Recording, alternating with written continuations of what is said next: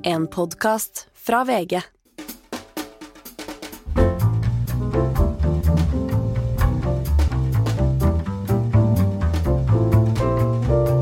Hei!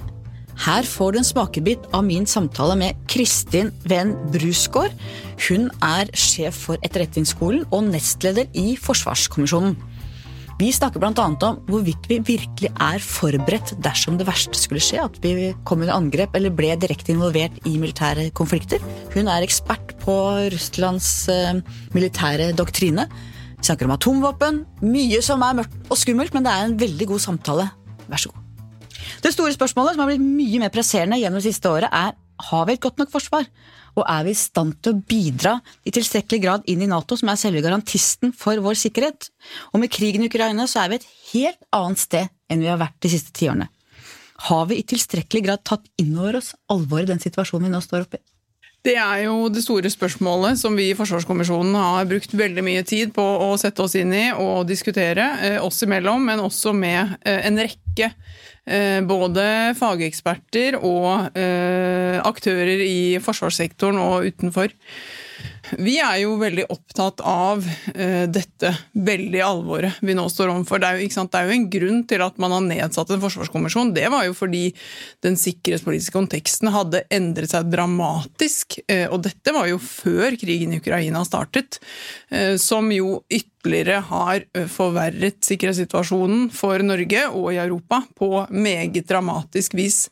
Så dette er jo en meget alvorlig situasjon der mange mener, og vi er nok blant dem, at eh, man må ta eh, ganske drastiske grep for å rigge oss litt annerledes for en ny og mye mer alvorlig sikkerhetspolitisk situasjon og fremtid enn slik vi har vært rigget nå i perioden etter den kalde krigen.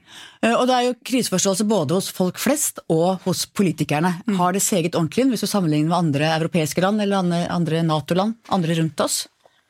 Vi har jo vært på eh, reiser både innland og utland, inkludert i en del europeiske land og i USA. Og et av inntrykkene vi satt igjen med etter særlig den reisen i Europa, var jo bl.a. i Natos hovedkvarter. Det var nok at uh, åpenbart så tar jo alle i Norge den situasjonen man står i Europa, veldig alvorlig. Men samtidig så fikk vi et bestemt inntrykk av at uh, både i Brussel, men også i andre europeiske hovedkvarterer, uh, unnskyld, hovedsteder, så fremstår situasjonen som mye mer dramatisk og alvorlig. Sikkerhetspolitisk, økonomisk, på alle samfunnsområder.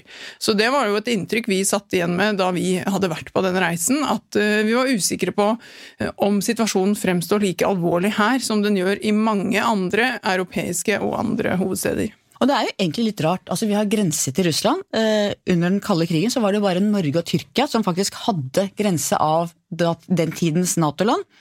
Har det på et eller annet merkelig vis gjort oss si, mer romantiske eller naive i forhold til Russland? Fordi vi liksom holdt kontakten og drev diplomati og balanserte, men hele tiden med da USA i ryggen som vår garantist? Jeg tror ikke det er riktig å si at uh, vi har vært mer naive overfor Russland. Vi har jo søkt å finne en riktig balanse i vårt naboskap med uh, vår store nabo i øst. Uh, og det har jo hele tiden vært også med henblikk på den potensielt utsatte sikkerhetspolitiske situasjonen vi har stått i. så jeg vet ikke om vi skal betegne oss selv som, som naive eller romantiske, men, men, jeg tror også at Eh, vi har nok noen utfordringer i forhold til å komme oss ut av den eh, tradisjonelle tilnærmingen vi har hatt, der eh, vi har vært blitt vant til nå å kunne ha et godt naboskap med Russland, også i perioder som har vært mer krevende. Eh, og det å, nå områ oss og innstille oss på at eh, vi står faktisk i en ganske annen type situasjon, som kanskje kan kreve en litt annen tilnærming fra Norges side, det tror jeg er en litt krevende øvelse.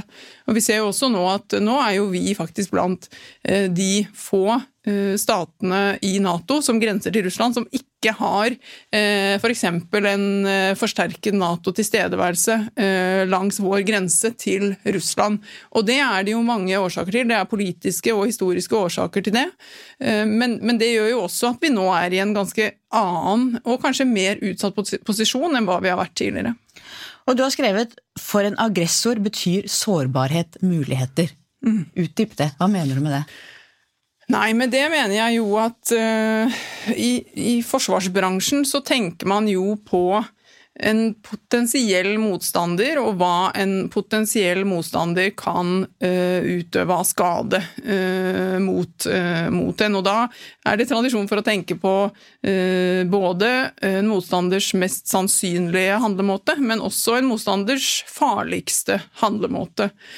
Og det innebefatter jo at man burde forsøke å sette seg inn i måten motstanderen tenker omkring en selv. Eh, og hva som er eh, mulige sårbarheter som den motstanderen kan utnytte. Våre svake punkter. Ja, nemlig. Og det er jo noe russerne, f.eks., som jo er eh, en aktør som jeg har brukt ganske mye tid på å studere, de er jo veldig opptatt av akkurat de tingene der, nemlig hvordan man kan ramme eller lamme en potensiell motstander som f.eks. et avansert vestlig teknologisk samfunn, og hvordan de har andre typer sårbarheter enn det Russland selv har, og hvordan man kan utnytte utnytte det til sin fordel. Du har også skrevet at vi kanskje er mer utsatt enn andre, ikke mindre, fordi vi er mer sårbare enn andre, nettopp som da et veldig digitalisert og teknologisk samfunn. Og fordi vi i vår naivitet og vårt fredelige samfunn er mer uforberedt enn mange andre. Og derfor vil det ha stor effekt for Russland å, ramme oss, enten gassledninger eller annet. Og det vil kanskje også være et ganske viktig signal til andre land hvis et så avansert samfunn som oss blir angrepet og, og blir rammet. Ja, altså, igjen så vil jeg jo ikke overdrive måte, hvor naive eller hvor spesielt sårbare vi er i, til sammenligning med mange andre land, men, men, det handler jo delvis om at måten man bør og må tenke sikkerhetspolitikk nå, er litt annerledes enn hvordan man tradisjonelt har tenkt forsvars- og sikkerhetspolitikk, som tradisjonelt har handlet om eh, militære trusler, hvordan eh, et annet lands forsvar kan angripe militære mål eh, i det landet eller den staten der de ønsker å oppnå politiske målsetninger. Nå ser man jo, og det har vi jo sett mange eksempler på nå i forbindelse med krigen i Ukraina, at en aggressor som Russland benytter seg av ganske mange ulike virkemidler, både militære, men også ikke-militære, for å prøve å nå de målsetningene de har. Og Det betyr at vi må ta inn over oss at alle mulige slags sårbarheter, ikke bare militære, men også ikke-militære eh, sårbarheter i eh, vår, vårt sivilsamfunn, vår sivile infrastruktur f.eks., er sårbarheter som kan eh, utnyttes av andre. Nå har du fått en smakebit av min samtale med Kristin Ven Brusgaard. Resten kan du høre på Podme eller VG+. Ha en fin helg.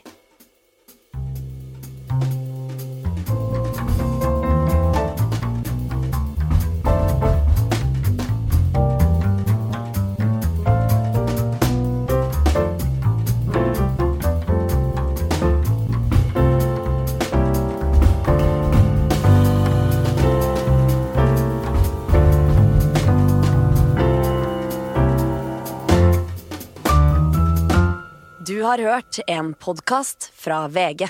Ansvarlig redaktør, Gard Steiro.